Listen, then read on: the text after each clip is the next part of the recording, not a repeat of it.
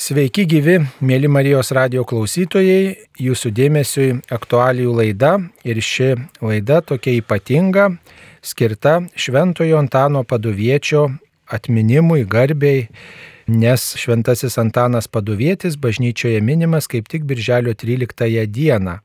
Šventasis Antanas Paduvietis mirė 1231 metais Italijoje, bet gerbiamas ne tik Italijoje, bet ir Portugalijoje ir Prancūzijoje ir aišku mūsų tėviniai Lietuvoje, nes buvo misionierius, pamokslininkas ir Pranciškaus toksai įkvėpėjas, bendra keleivis, bendra žygis, nes mokė brolius teologijos ir buvo toks įtikinantis žodžio skelbėjas, kad daugelis žmonių atsiversdavo išgirdę jo pamokymus ir pamokslus. Šventasis Antanas Paduvietis 1946 metais paskelbtas bažnyčios mokytoju ir šventuoju laikomas nuo 1232 metų. Šventasis Antanas Paduvietis yra Vilkaviškio viskupijos globėjas, bet ypatingai gerbiamas ne tik Vilkaviškio viskupijoje, bet ir Žemaitijoje ir ypač pranciškonų globojamoje Kretingos bažnyčioje. Taigi sveikiname visus, kuriems brangus šventasis Antanas Paduvietis, kuris tradiciškai laikomas pagalbininku, ieškant ir atrandant pamestus daiktus. Tai linkim, kad visi, kurie pametate daiktus, kreiptumėtės į šventąjį Antaną Paduvietį, kad ir trumpa malda viešpatie ugdyk mūsų tikėjimą padedant šventam Antanui per pamestų daiktų atsiradimą ir atradę daiktus nepamirštume padėkoti Dievui ir šventajam Antanui. O šioje laidoje dalyvauja įvairūs žmonės, kurie paliūdys, kodėl brangina šventąjį Antaną paduvietį ir puoselėja į jį pamaldumą.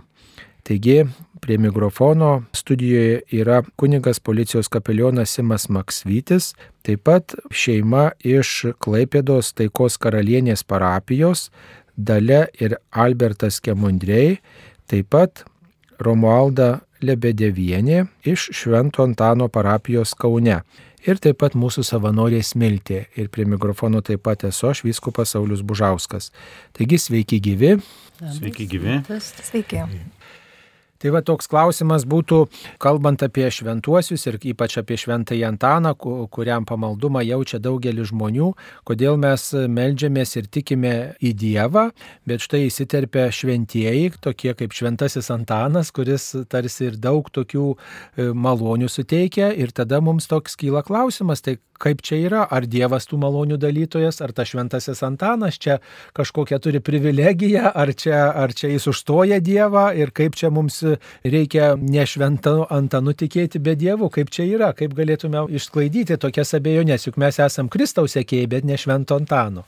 Teisingai paminėjot, kad pats viešpats yra malonių dalytojas, kad jis viso mums gyvenimo ir amžinybės viešpats, bet juk jis mums siunčia kaip mes žinome ir Senajame testamente pranašus, ne šiaip atsitiktinai, bet kad įgarsinti tą Dievo balsą. Viešpats siunčia mums žemėje tuos liudytojų šventuosius, kurie mums atvertų, paliudytų, parodytų, koks yra gražus Dievas. Juk mes irgi, va būtent minėję dabar švenčiausios trejybės iškilmę, Dievą, galybių viešpati, tą slėpinį, kaip mums jį priimti, kaip mums suvokti, kaip jį apkabinti. Bet Dievas mums parodo save per grožį, per savo kūrinius, per tai, ką Jis mums sukuria, dovanoja ir esame mes gyvenimo kelyje, kurio sutinkam žmonės ir sutinkam, galim sakyti, šventuosius žemėje. Ir kaip gražiai va ta paštlas Paulius, va kaip irgi girdėjom Dievo žodyje, jų šventieji, ar ne, kaip su tokiu savotiškai avansu į mus kreipiasi, nors mes esam nusidėliai, mes esam klystantis. Bet kadangi viešpats Dievas, Jėzus Kristus, bažnyčios įkūrėjas, o bažnyčia yra šventa ir mes joje esam šventinami, tai esame kartu ir šventieji. Ir atrodo, nu mes galbūt tarsi lyg neverti būti šventaisiais, bet juk Dievas kiekvieną mus kviečia į šventumą ir jis mus kviečia būti panašiais į jo atvaizdą ir panašumą. Ir žiūrėkim, tie visi įvairūs šventieji savaip, unikaliai, originaliai Dievą seka ir Dievą atspindi. Tai nereiškia, kad mes turime kopijuoti šventuosius, bet mes, kai susipažįstam su šventojo gyvenimu, ir žiūrim, koks grožis, koks nuostabus dalykas, kaip jam tai pavyksta tokiu liktai ir paprastu, ir nepaprastu būdu artėti link Dievo.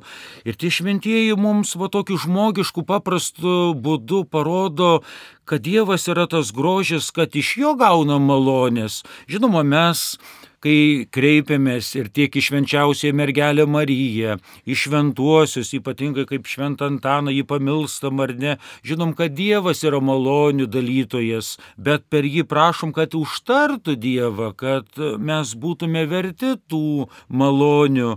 Ir būtent taip mes esam priartiname arčiau Dievo ir tikrai nesam tie, kurie tarsi aukščiau laikome tą šventąjį už Dievą. Nu tikrai ne, ir gal kai kas kaltina, sako, jūs ten kažkaip tik šventuosius labiau mylit Mariją, o ten Dievas kažkur, bet tai ir yra pasakymas, kad mes esam per jų pagalbą artėjami viešpati ir mes juk negarbinam šventųjų, nei Marijos garbinam, mes neturim gal tokio žodžio, sakom, gerbėm mergelę Mariją, gerbėm šventuosius ir aišku, mes gal neturim tokio vertimo, tas gerbimas paprasto žmogaus ir šventuosius, truputėlį va tas, mes to, tokio gal žodžio lyg norėtume daugiau sakyti, kad lyg garbinam, bet žinom, kad vieną trejybę Dievą garbinam, o šventuosius vis tiek to... Ypatingai gerbėm. Ypatingai, reiktų sakyti, gerbėm. Ir dėl to gerbėm, kad jie mums yra pagalba kelyje į Dievą, priimti tą Dievą, kuris yra mūsų gyvenimo šaltinis. Vieną mintį išsakyti tokią ir humoristinę mūsų taikos karalienės gerbiamo ir mylimo klebono Mindaugo pajokavimų galbūt. Šventieji tai yra didieji bedarbiai danguje, juos reikia įdarbinti. Man tai patiko jo šitą humoristinė mintis ir nuostabu danguje turėti draugų, jie yra mūsų draugai. Tai mūsų šioje žemės kelionėje yra visai kita gyvenimo kokybė, turint danguje draugų. Iš tiesų prisimena tokią šypsenėlę, kai vienas žmogus nori užlipti ant arklio, šok ir nepavyksta, sako šventas Antanai padėk, niekas neveikia, nu sako šventas Juozapai padėk, nu, vėl nepavyksta ant to arklio užšokti nu visi šventieji padėkite. Ir tas žmogelis fukt per tarklį peršoka net. Nu ne visi iš karto, ne taip galingai. tai toks jaunus pasakojimas. Jeigu pratesiant tą mintį, tai kai melžiuosi, tai melžiuosi tiesiog prašau užtarimo šventojo Antano, kad užtark savo malonėmis pas Dievą ar Jėzų kaip po tarpininką. Vat netiesiai sakykime, kad melžiuosi į šventą Antaną, bet į kurį šventąjį, bet melžiu užtarimo pas viešpatį. Tai, Taip, tad. Katalikų katekizme mes skaitome, kad dangaus gyventojai, būdami tvirčiau suvienyti su Kristumi, didina visos bažnyčios šventumą, jie nesiliauja užtarę mus prieš tėvą, aukodami nuopelnus, kuriuos įgyjo žemėje per vieną Dievo ir žmonių tarpininką Jėzų Kristų. Dėl to jų broliškas rūpestis nepaprastai gelbsti mus silpnus. Dar viena tokia mintis yra, kad gerbdami šventuosius mes pagerbėme patį Kristų, nes tokiu būdu mes paliudijame, girdėjome, kad štai vienam ar kitame žmoguje, kuris bažnyčios jau paskelbtas šventuoju, yra išsipildžiusi Evangelija. Evangelija tapo tikrovė, reiškia, žmogus mylėjo Dievą, žmogus sekė paskui Dievą ir buvo tokio tvirto tikėjimo, kad per jo žodžius, per jo veiksmus tikrai įvyksta neįmanomi dalykai kartais. Tai gerbdami šventuosius mes pagerbėm patį viešpatį, bet jie jokių būdų neužstoja paties Dievo. Gal jūs dar kokių idėjų turite? Iš tikrųjų šventieji kaip tokie, jie realizuoja toks, koks buvo viešpaties planas. Dievas sukūrė žmogų pagal savo paveikslą ir panašumą. Ir tas panašumas būtent ir yra ta dinamika, kuri atsiskleidžia būtent šventuosiuose, kurie darosi, ta prasme, jų šventas gyvenimas yra panašėjimas su Kristumi. Tai vėlgi tai yra būtent ta pati katekizmo mintis kad mes, gerbdami šventuosius, pagerbėme Kristų, nes Kristus tam tikrą prasme įsikūnijo juose. Ir būtent per jų užtarimą, būtent tas ryšys artimas, kodėl su Dievu, tai do, todėl, kad tai buvo lygiai tie patys žmonės, kurie vaikščiojo čia žemė ir jie pasiekė šventumą. Aukščiausią šventumo lygį, ta prasme panašumą su Dievu, artumą su Dievu. Taigi norėtume klausti, kaip jūs atradote pamaldumą, mėly Marijos radio laidos dalyviai, į Šventąjį Antaną. Kokia galbūt buvo priežastis, kad jūs štai susidomėjote tuo Šventuoju Antanu? Šventąjį Antaną aš pamilau nuo pat ankstyvos vaikystės girdėjusi tokį pavyzdį ypatingą, kadangi gyvenau aukštaities kaime ir gyvenom kartu su seneliais, o mano senelis buvo vyresnio amžiaus ir jisai dirbo tokį darbą, pervežiodavo paštą tais laikais su arkliuku iš šimonių į tėviškę, tėviškės bažnytkaimį, Adominę ir šaltą žiemą Tai buvo 50 kelinti metai, aš nepamenu kokią amžiaus, ar buvau jau pradinukė, ar dar ne. Išgirdau tokį dalyką liūdną, kad senelis važiuodamas per Šimonių gyrę pametė paštą. Mano tikinčioji močiutė, jo žmona, labai verkė, labai liūdėjo ir jeigu paštas neatsiras, senelį pasodins į kalėjimą. Mane tas labai sukrėtė, labai gailėjau savo močiutės.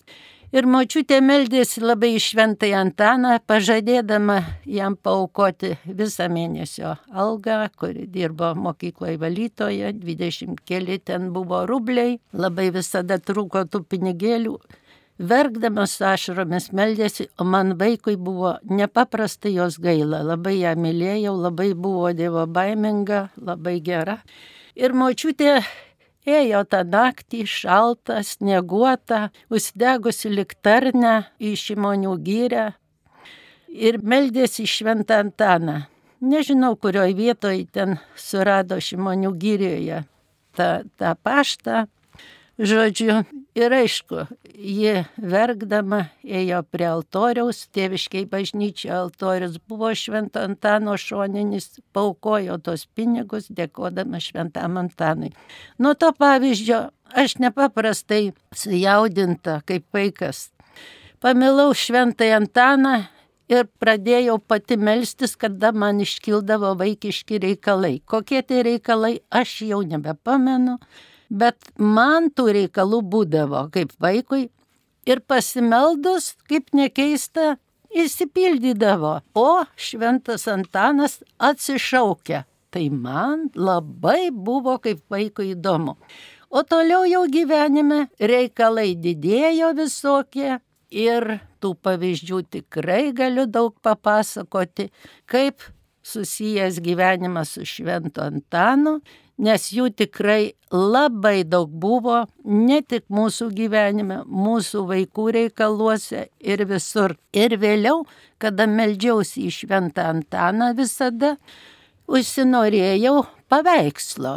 Kaip aš meldžiuosi, aš turiu vizualiai matyti tą paveikslą, bet aš noriu, kad jis būtų dvasingas, į kurį aš galėčiau melstis, atsiremti.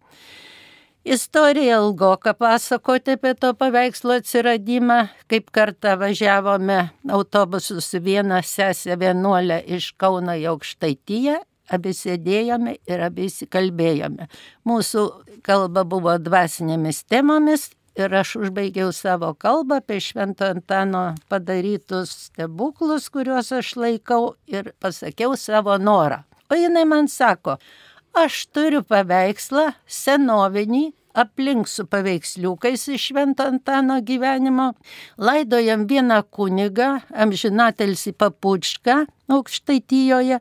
Ir aš padėjau ten talkinikauti tose laidotuvėse, visi išsidalinom jo daiktelius, o Švento Antano nebuvo ką imti, aš jį paėmiau, jisai senovinis, pakeičiau rėmus, nes jau buvo sutrūnyje Ir dabar aš jį turiu ir sako, mano gyvenimas eina į pabaigą, aš labai džiaugsiuosi, jeigu jis atsiras tinkamuose rankose. Aš taip apsidžiaugiau, bet jis sako, aš dar negaliu pažadėti, nes aš turiu atsiklausti vyresniosios. Na gerai, bet man jau dušiai buvo beveik aišku, kad čia jau ateina šventas Antanas toks, kokio aš noriu. Ir dar kas man nepaprastai įdomaus, kad amžinatelis kunigas papučkas, švento pavyzdžio nepaprastai kunigas, išmokęs mano tėvelį vargonikauti, kuris ir pravargonikavo beveik 50 metų bažnyčioje.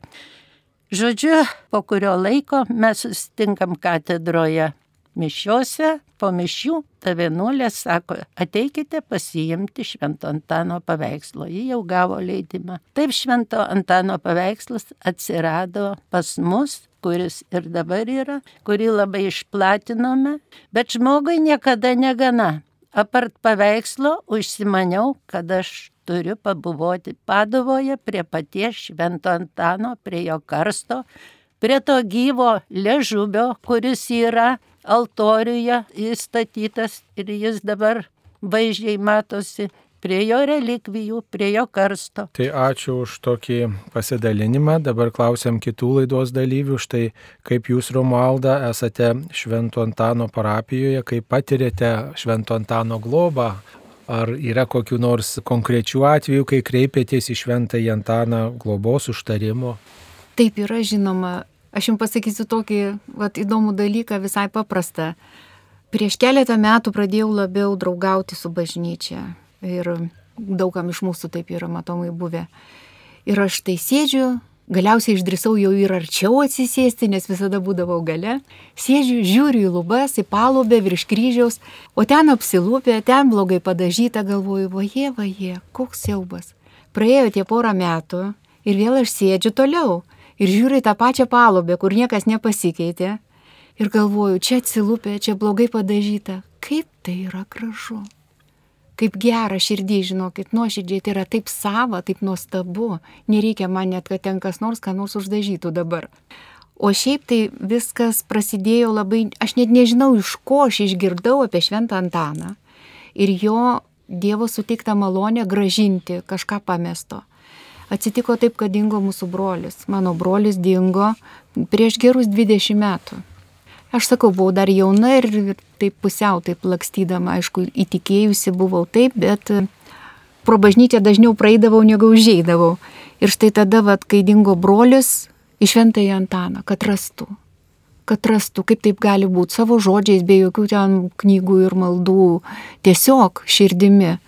Ir neįtikėtina, brolis atsirado. Atsirado po kurio laiko, visai ne mūsų mieste, Lietuvoje, bet jis atsirado. Ir tai buvo įstabu, tai buvo kažkas tokio. Ir nuo to laiko nuolat ir nuolat, dabar visose smulkmenose tai tapo taip natūralu prašyti Švento Antano pagalbos, kad tiesiog kaip tėvė mūsų. Pirmiausiai kreipiesi į Jėzų Dievą, ten Šventą Dvasę, Mariją ir trečiasis asmuo tai yra visada Šventasis Antanas. Taip, smiltė, kaip jūs jaunas žmogus, štai jauna moteris ir melžiatės į šventąjį Antaną? Taip, žinokit, mane su šventuoju Antanu supažindino kaip ir su tikėjimu beje mano močiutė, kuri atsikraustė iš Žemaitijos kaimo į Kauną kažkadais. Ir kaip ir kiekviena močiutė, žodžiu, reikėjo sutvarkyti anūkus, privesti pirmos komunijos ir visus kitus atlikti dalykus. Ir kažkada, kai pamečiau namų raktus, be jokios abejonės labiausiai bijojau, kad tėvai labai barsis. Ir jinai labai ramiai sako, bet tu žinok, yra toksai šventasis Antanas. Pirmą kartą tuo metu išgirdau, kad yra apskritai šventieji, nes, na, tuo metu man buvo gal kokie aštuoneri metai ir, ir tie laikai dar kitokie buvo. Ir jis sako, žinok, reikia melstis, toks yra šventasis Antanas. Ir žinot, tuo metu man močiutė buvo, nu, aš niekada net nekvestionuodavau jos pasakymų ir aš galvoju, tai, tai tikriausiai yra tiesa. Ir savo žodžiais kažkaip įsivaizduodama tą mistinį šventąjį, kuris gali padėti, kad atsirastų tie raktai, kad aš išvengščiau kažkokios tai bausmės ir piktų tėvų. Ir žinokit, tie raktai atsirado. Ir aš galvoju, wow, tai čia veikia, tai čia mistika, tai kas čia yra toksai. Ir mačiutė visą laiką paragindavo. Tai nuo to laiko iš tikrųjų tą gyvenimą mano atėjo taip labai pragmatiškų būdų, labai va, tikintis šito. Vėliau jau aš esu um, keturių vaikų mama Ir auginant vaikus ir juos e, lydint į tą tikėjimo pažinimą, tie paprasti va tokie tikėjimo patvirtinimo dalykai, jie labai suartina. Tai mano vaikai nuo mažumės, jie vos kalbėti išmokę buvo, kad jie žinojo, kad yra šventasis Antanas. Tai be ne labiausiai mūsų namuose minimas šventasis. Ir sako, tai ir jie netgi, būdami mažutėliai, kai mes dėl kažko pergyvenam, kad kažko nerandam, mama, bet tai tu, kodėl tu nervuojasi, tai tu pasimelsk šventajam Antanui. Ir jie besąlygiškai tiki. Ir jisai padeda. Aš galvoju, kad vienas iš labai svarbių dalykų Šventojo Antano pagalba mums sustiprina ryšį su Dievu. Jisai tarsi tarpininkas ir stiprintojas paties ryšio ir tikėjimo su Dievu. Tai labai tą branginu ir vėliau irgi galėsiu pasidalinti keliom istorijom, kurios man yra labai brangios. Bet tai aš esu dėkinga Šventajam Antanui dėl to, kad puoselėja mano vaikų tikėjimą ir mus artina labiau prie Dievo. Taip, ačiū. Norėčiau klausti kunigo, jūs taip pat, mielas kunigė, patyrėt kokį švento Antano užtarimų įvykusį stebuklą, ar čia iš tokio, kaip čia pasakyti, bažnyčios tikėjimo prieimimo gerbėte visus šventuosius, tuo pačiu ir šventą Antaną? Be bejonės ir ne vienas stebuklas. Žinoma, su šventuoju tas ryšys prasidėjo nuo vaikystės, iš šeimos, kai ypač mama buvo pamaldi Šventą Antaną ir Ir aš, kadangi turiu savo šaknis nuo Žemaitijos pusės, Šilutyje gimęs, augęs, ir ten taip pat būdavo Švento Antano atlaidai ir kaip žinia visoje Žemaitijoje ypatingai su meile gerbiamas, mylimas Šventasis Antanas, tai neatsitiktinai ten ir tas pamaldumas toks ypatingas ir jis nuo vaikystės, nuo vaikystės prasidėjęs.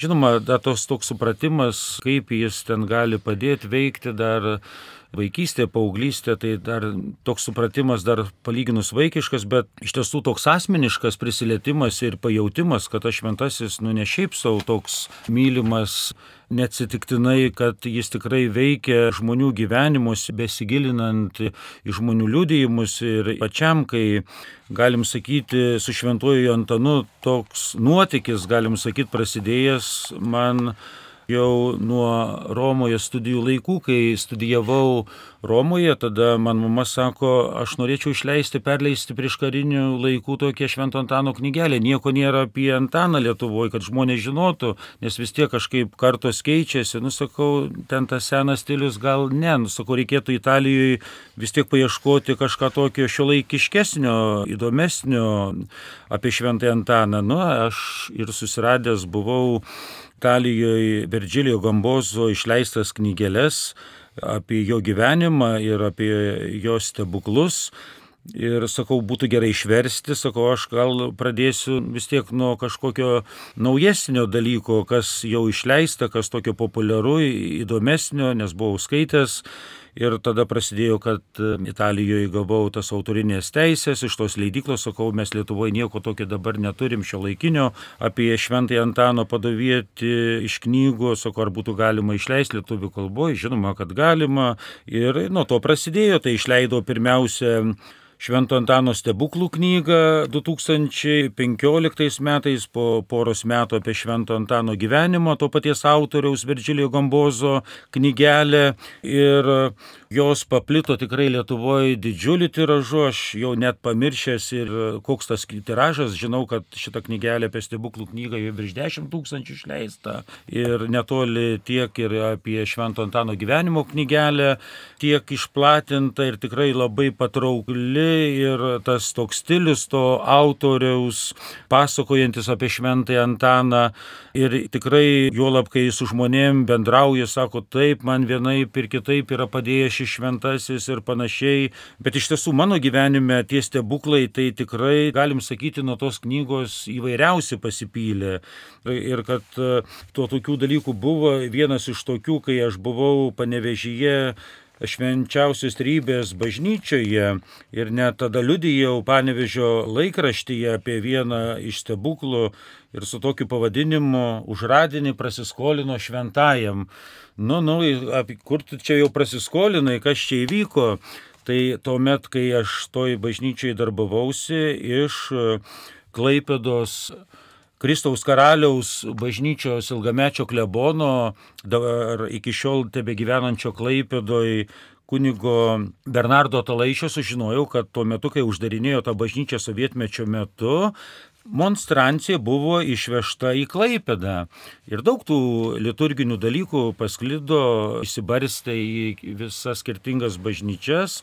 Ir kai atsidarė bažnyčia atgimimo metu, kai ji buvo vėl atstatyta, atšventinta, kai kas sugrįžo, kai kas buvo pamiršta per tiek laiko, nuo 48 metų, kai po karo buvo uždaryta. Ir jis tada, kai atėjau, kunigas Bernardas sako, čia žinau, ten, kur klebonavau, tikrai ta monstrancija atkeliavusi iš tos bažnyčios. Nu, negali būti. Nu, aš tada užklausiau tada tuometinio vyskupo Jono Boroto, sakau, ar būtų galima kažkaip e, tą monstranciją kažkaip susigražinti. Nu, sako, nelabai jau tiek laiko, čia jau senatis gal ir visa kita, gal tebūnėti, tegu lieka. Sako, ar tikrai buvo, ar ne, ten dar neaišku, gal, gal įsklysta. Na, paskui kažkaip man papuolė ir nuotrauka iš trejybės bažnyčios panevežyje, kad priartinus, kad ta pati monstrancija, sakau, paskiau paskambinau dar kunigui, klebonai, tada, sakau, yra toks dalykas, liudimas, kad tikrai ta monstrancija yra pas jūs ir, sakau, nuotrauką atsiunčiu, nu, sako, reikia palyginti, sulyginti. Bet sako, čia reikia atsiklausti vyskupą. Nu, galvoju, aš jam nieko nesakiau, gal tu ne, neklausk, žinau, kad ne, negražins, neduos sakau, čia vis tiek, bet norėjau įsiaiškinti iki galo, ar tikrai. Nu, jis atsiuntė man nuotraukas, sako, aš kaip tik rytoj važiuosiu pas viskupo, jo paklausiu, bet mintį sakau, nu, tai čia neįmanomas, bet sakau, jeigu jau sugrįžtų, tai būtų švento Antano stebuklas. Nu, jis tada paskambina, susitikė su viskupu, sako, žinai, viskupas leidžia kažkaip, gražina, žinai, nu, aš tiesiog net negalėjau patikėti, bet sako, jei galit palaukit, mes dar vis tiek norėtume, kol kitą įsigysim, sako, jeigu taip neskubus, neskubu ir visa kita. Ir aš apie tą, atsakau, irgi monstranciją, kaip į tokį stebuklingų būdų, kokiu būdu jie ir sugrįžo ir čia tam laikraštė esu papasakojęs. Žinoma, ir tų daugiau esu patyręs tų švento Antano užtarimų stebuklų, net kartais tiesiog va toks kai pagalvoji, kad kažkur kažkas pasimeta, reikia surasti, ieškoti, savį pagalvoji, švents Antanai, eik darban, nu ieškok. Žiūrėk, įma ir suieško, žinai. Ir, arba kai toj pačioj, sakyčiau, prisiminimas Truskavoje, kai klebonavau, ten valėm vieną kapinių koplyčią, ten likusių to visokių dalykų, dar liturginių, iš bažnyčios reikėjo ten sudėlioti, iškraustyti, ten vienas toks buvo pabiręs, nu, stambių rutuliukų, tokio kažkokio kokios plasmasės, nežinau, kokius senobinis rožinis. Nu ir jis ten kažkaip visas išsimėtęs ten iš visų ten po truputėlį tos rožinio karoliukus rinkom, viską sudėliojom, ten į vieną tokį indą sudėjom, skaičiuoju dabar, nusakau, nu, aišku, kokį mažiausiai penkių ar bent dešimt trūks, nuskaičiuojam, skaičiuojam. Tik vieno karoliuko trūksta, nu galvoju, nu tikrai neišdroši, kaip, nu tik vieno gailas. Nu, tu pagalvoji, Šventas Antanas, nu ieškok, bet jau ten viską jau valėm, išnarstėm, nu tikrai jau nebegali kur atsirasti. Tikrai, tik penkias minutės praėjo ir ten laukė, sako, ką čia klebonė užmynės, kažkas čia paukojom. Iš pokojus atradau paskutinis karoliukas, iš žemės tarsi išlindo ir sakyk sutapimas ar kaip, bet tikrai šventas Antanas buvo tikrai kvieštas, kad jis ieškotų. Va tokie kartais, kartais tokios ir net komiškos situacijos, kur nu šventasis savo užtarimu jis tikrai pagelbsti ir veikia ir tos tokius įvairius stebuklus su ieškojimus gyvenime mūsų daro. Kaip dar jūs norėjot pridėti kokią istoriją? Norėjau aš papildyti, kad čia pagrindė kalbama apie rastus daiktus, rastiems daiktams šventas Antanas absoliučiai visuose reikaluose, ypač būtiniuose. Jų gyvenime mes labai daug turime. Mūsų šeimos, vaikų šeimos nepaprastai daug turi Ir tikrai visuose reikaluose, pavyzdžiui, net toks paprastas dalykas, sūnus atvažiuoja pietauti, dirba jis verslo reikaluose. Oi, sako, mama klimsta, vieni reikalai nejuda iš vietos darbe ir panašiai, nėra kaip išjudinti visas pastangas. Einam melstis prie šito švento Antano paveikslo. ateinam, pasimeldžiam litaniją, viską nuoširdžiai. Pažadam dar paukoti padėkos intenciją mišioms. Nu ir ką, labai greit atvažiuoja liūdija, kad reikalas pajudėjo, kuris buvo užklimpęs. Ir taip toliau. Tikrai visuose reikaluose. Pagal Švento Antano litaniją, taigi ligonių sveikata, keleivių vadovė. Visi dabar labai daug keliaujame. Kelionėse tikrai prašykime Švento Antano palaimos, išeities, rasime geresnę negu patys esam suplanavę. Bet tik tai taip rekomenduoju, kad ne tu šventas Antanai mum duoko, mes tau nieko. Taip nelabai kas bus. Ką mes darome, praktikuojame, tai padėkos intencija šventoms mišioms. Na, prie sudėtinių gali, bet kad kunigas paskelbtų viešai mišiuose padėkojam, arba su litanija, pagaliau pagal kažkokį tai vertės nuopelną, gal taip reikia pasakyti, bet kad būtų padėkota. Vyras mano nori papildyti. Aš tai tik tai noriu pasakyti tokį įspūdį, kad augęs irgi šeimoje, religingoje nuo pat vaikystės, bet kažkokio tai išskirtinio pamaldumo į šventąją Antaną nebuvo, bet buvo toks tradicinis tikėjimas, kiekvieną sekmadienį keliaudavom po kelis kilometrus ir šventojo Antano įkvėpėję tikrai galiu pasakyti, tai mano žmona dalė.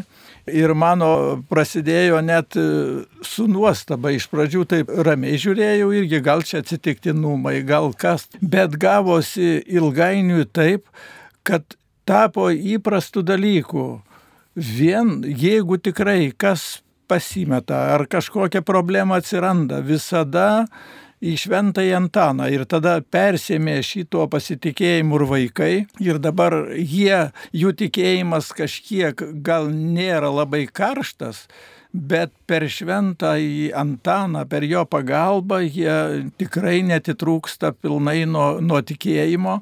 Ir vat, kaip Dalė sakė, patys rodo iniciatyvą, kviečia mamą, jeigu jau žino, kad einame melstis ir pats sūnus pasidaugino Švento Antano paveikslą ir savo darbo kabinete turi ir visur.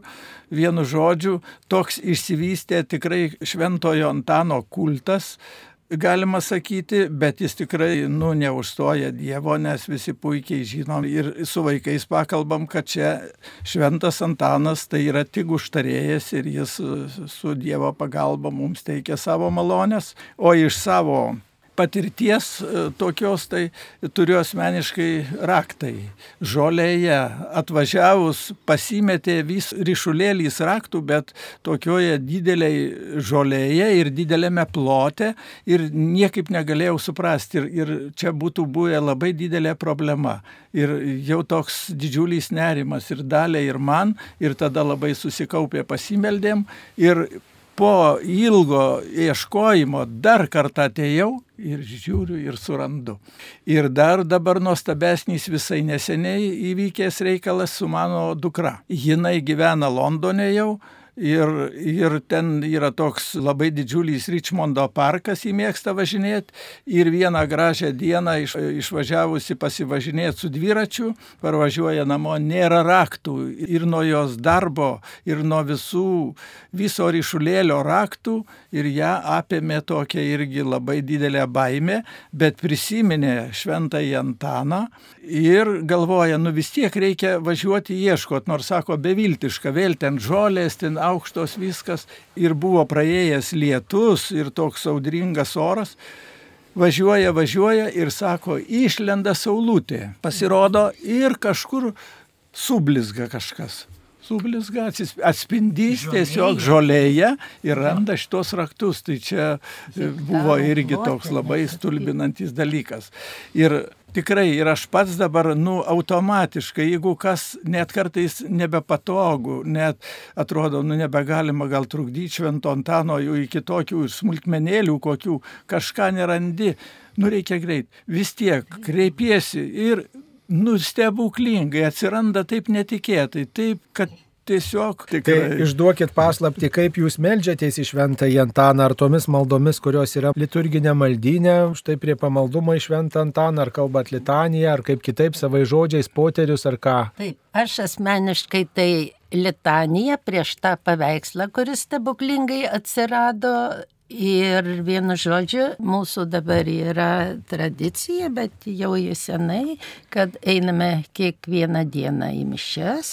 Žodžiu, buvo prašymas, kai atvykome prieš beveik 20 metų į Klaipėdą gyventi, buvo prašymas, melžiantis į Šventą Antaną, porą metų nuomojome būtus ir apgyvendintų mus prie Taikos karalienės bažnyčios parapijos. Todėl, kad ten yra man, Kaune dirbau Bingelio valstybinėme chore ir man ten labai yra miela prisiminimai, kada mes važiuodavom koncertuoti su Bingelio choru. Buvo ten valstybinė filharmonija atimta bažnyčia, man labai skaudėjo širdį po ją vaikštant. Ir kada atvykom gyventi į Klaipėdą, labai buvo malonu. Ir ten statula tokia švento Antano, vienu žodžiu, didelė, bet pasiekiama. Ir meldėmės ir sakau, šventas Antanai, jeigu tu nori, kad aš kasdien tau kojas bučiuočiau, atėjus į mišęs, įtaisyk čia gyventi netoli, aš tau tikrai noriu kojas bučiuoti. Tas tik dar nebuvo pandemijos ir tas galima buvo padaryti. Žodžiu, įdomus atvejis, labai pasidarbavo Šventas Antanas, čia ilgesnis pasakojimas, bet mes po poros metų atsiradome netoli tos bažnyčios taikos karalienės. Ir tikrai kasdien tenka lankytis, nebent būnam ar ligoniniai arba išvykę, tik tada. Galimybė tikrai yra, jeigu yra noras. Ir aš tikrai visada pasimeldžiu prie Švento Antano, o litanija tai jau būtinai kaip sakyt, kasdien, jinai mano galvoja labai senai, nereikia maldaknygės. Atsimenat mintinai. Čia problemos. Nu va, kaip jūs laidos dalyviai melžiatės į Šventą Antaną ar tomis maldomis iš maldyno, ar irgi mokat litaniją mintinai? Tikrai ne. Iš maldyno litanija ir dar kelios maldos, tai tik tai prieš Antano atlaidus jau čia prieš jo šventę. Tai čia taip, ta devindienė. O šiaip tai tik tai savo žodžiais, jau iš viso širdies, jau vaje, vaje, tik tai va šitaip. Kaip yra džiugu čia, klausykit, šiandien būti. Aš dar nesu buvus virpa visa studija nuo dėkingumo ir meilės šventajam Antanui. Praktiškai čia reikėtų kokių kelių valandų, kol mes čia išpasakotumėm visi savo istorijas. Aš melžiuosi savo žodžiais visada. Irgi noriu labai bent jau vieną istoriją papasakot, kai, man atrodo, labai labai tokia rimta buvo. Um, vienas iš mano sūnų turi autizmo spektro sutrikimą. Ir tuo metu jam gal buvo kokie šešeri metukai, um, jisai prastai kalbėjo, um, praktiškai svetimam žmogui buvo sudėtinga susikalbėti arba sudėtinga suprasti, ką jisai, sakykime, norėtų pasakyti. Ir mes visa šeima dalyvavome šventėje, Vilniuje buvo, žodžiu, Verkių parke, didžiulė šventė, keli tūkstančiai žmonių, įvairios pramogos suaugusiems vaikams, koncertas. Žodžiu, mes visi dalyvavome. Aš praktikuodavau tokį dalyką, visus vaikus savo aprengdavau vienodos spalvos maikutėmis, man taip lengviau būdavo sekti juos minioje ketvertuką. Ir priekyje būdavo užrašytas vardas, o gale mano telefono numeris. Žodžiu, nu galvoju, jeigu pasimestų, tai tikrai kažkas paskambintų ir man sugražintų. Taip aš ramiau jausdavausi, nes būdavo sunku juos suganyti. Bet buvo vėsokas oras ir reikėjo jiems aprengti striukeles. Žodžiu, aprengėm strukeliam ir tik vėliau supratau, kad man niekas nepaskambins ir žodžiu. Jeigu kas nors, taip sakant, prisimenat, ką tai reiškia turėti mažus vaikus, atsisukai ir nebėra. Ir atrodo čia pat, va sekundė, tu tik tai nusisukai ir nėra, ir nėra mano to ypatingojo sunaus. Žinokit, tos kelios sekundės, kol man galvo buvo pačios ilgiausios mano gyvenime. Arti poros tūkstančių žmonių, nepažįstama aplinka pramogos, vaikas, kuris nelabai geba komunikuoti.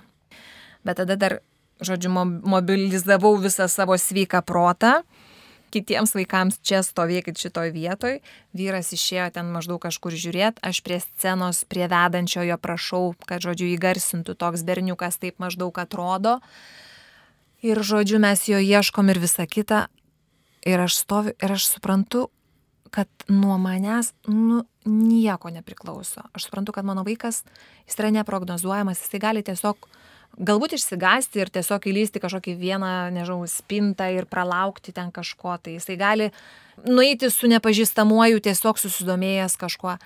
Ir suprantu, kad, nu, va dabar tai čia be Dievo, be Švento Antano yra tokia beviltiška situacija.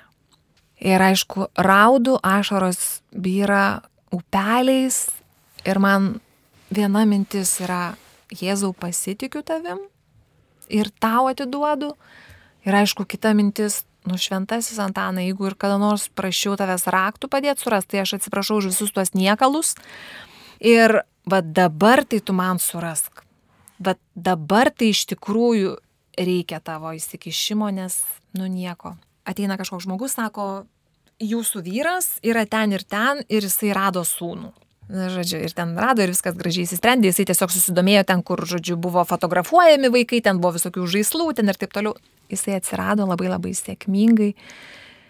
Tai buvo didžiausias dėkingumas, neįtikėtina, nes, sakau, kaip galėjo būti, taip baigėsi labai gerai. Bet aš visada melžiuosi savo žodžiais.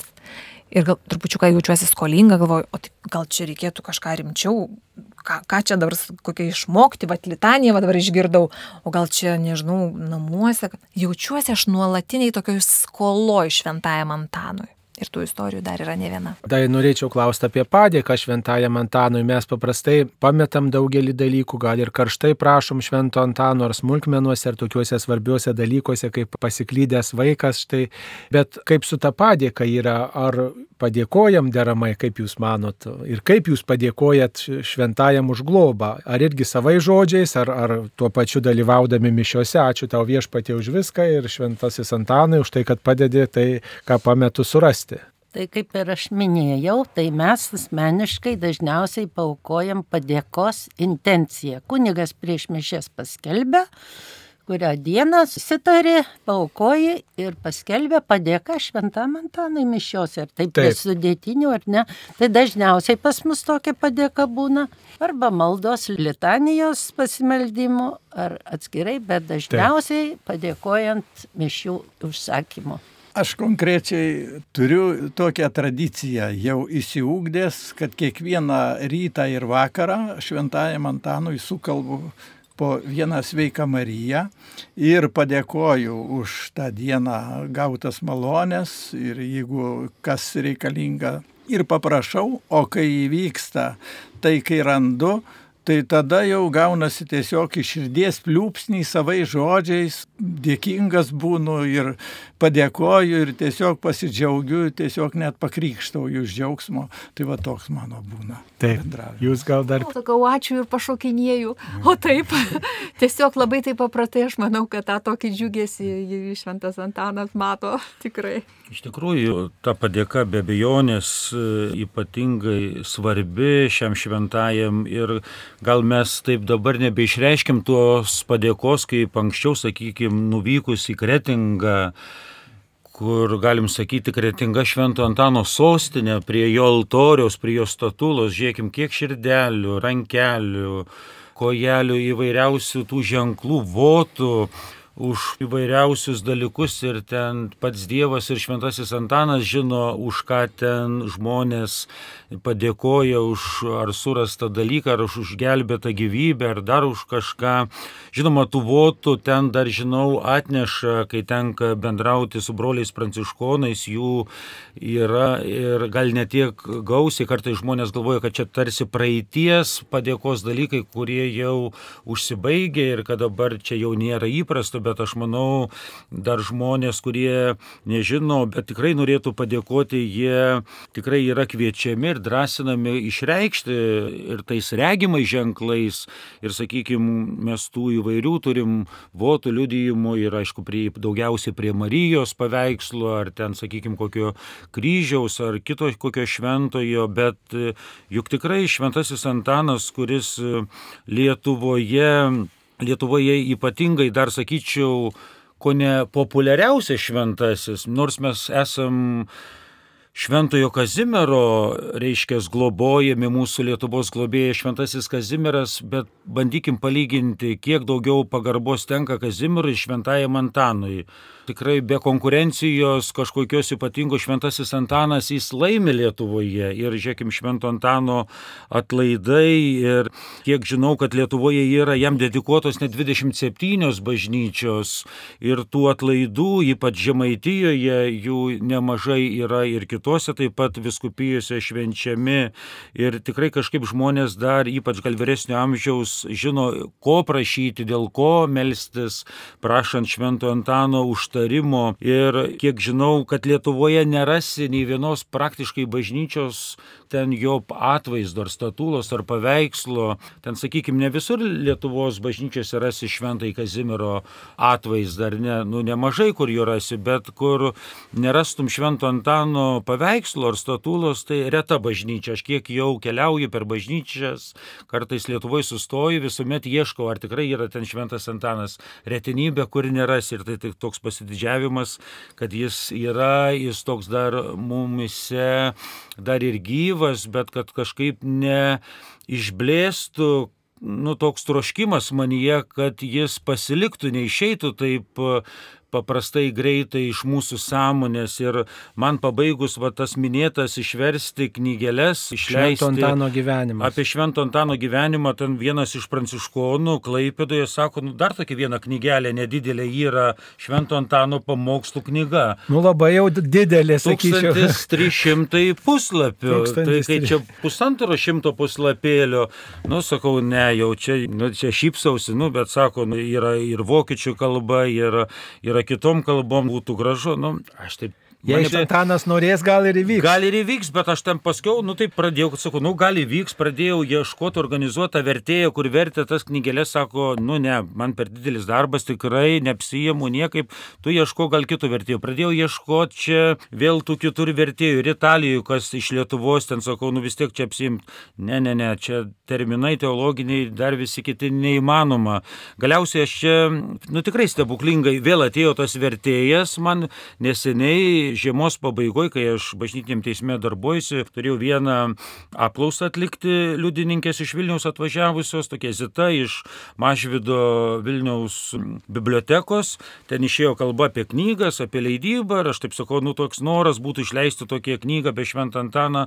Žinai, sako, aš tokį kunigą jo paklausiu, gal jis sutiktų, jis ten tokioj mažoj parapijai, nelabai turi ten tau daug darbo, tai gal jis sutiks, bet nesąmonė, kur ten kunigai, tai jo labu žimti nesutiks nu negali būti. Ir aš tai pagalvojau, nusakau, šventas Antanai, jeigu čia kažkas pajudėtų, nu čia stebuklus stebuklas bus, bet tai neįmanoma. Bet galvoju, bet jeigu tu norėsi išeis, nu, man po poros dienų skambina, žinai, sako, aš tau radau jau vertėją, žinai, nu, nu, net kuniga kaip ir Paskui skambinu, nu iš tiesų, sako, tikrai galėčiau sutikti ir jau ta knyga pradėta versti, jau žinau, kad 200 puslapį jos išversta ir nusekliai atiduota toliau redaktoriai, reiškia, kad būtų redaguojama, žinoma, tai kažkur metų darbas, tai kitais metais tikiuosi, kad išeis tokia knygelė apie Šventą Antaną, paduvieti jo pamokslus, nu tai tikrai būtų didelis veikalas ir daug nuostabių dalykų, kuriuos jis pamokslus kalba remiantis Bibliją, šventuoju raštu, per įvairius sekmadienius, įvairias šventes.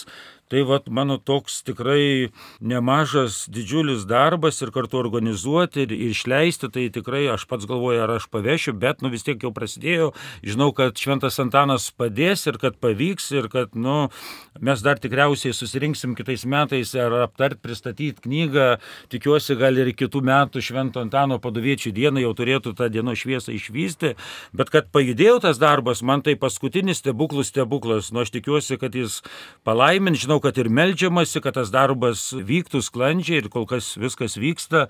Tai va, šventasis Antanas va taip darbuojasi. Norėčiau dar papildyti.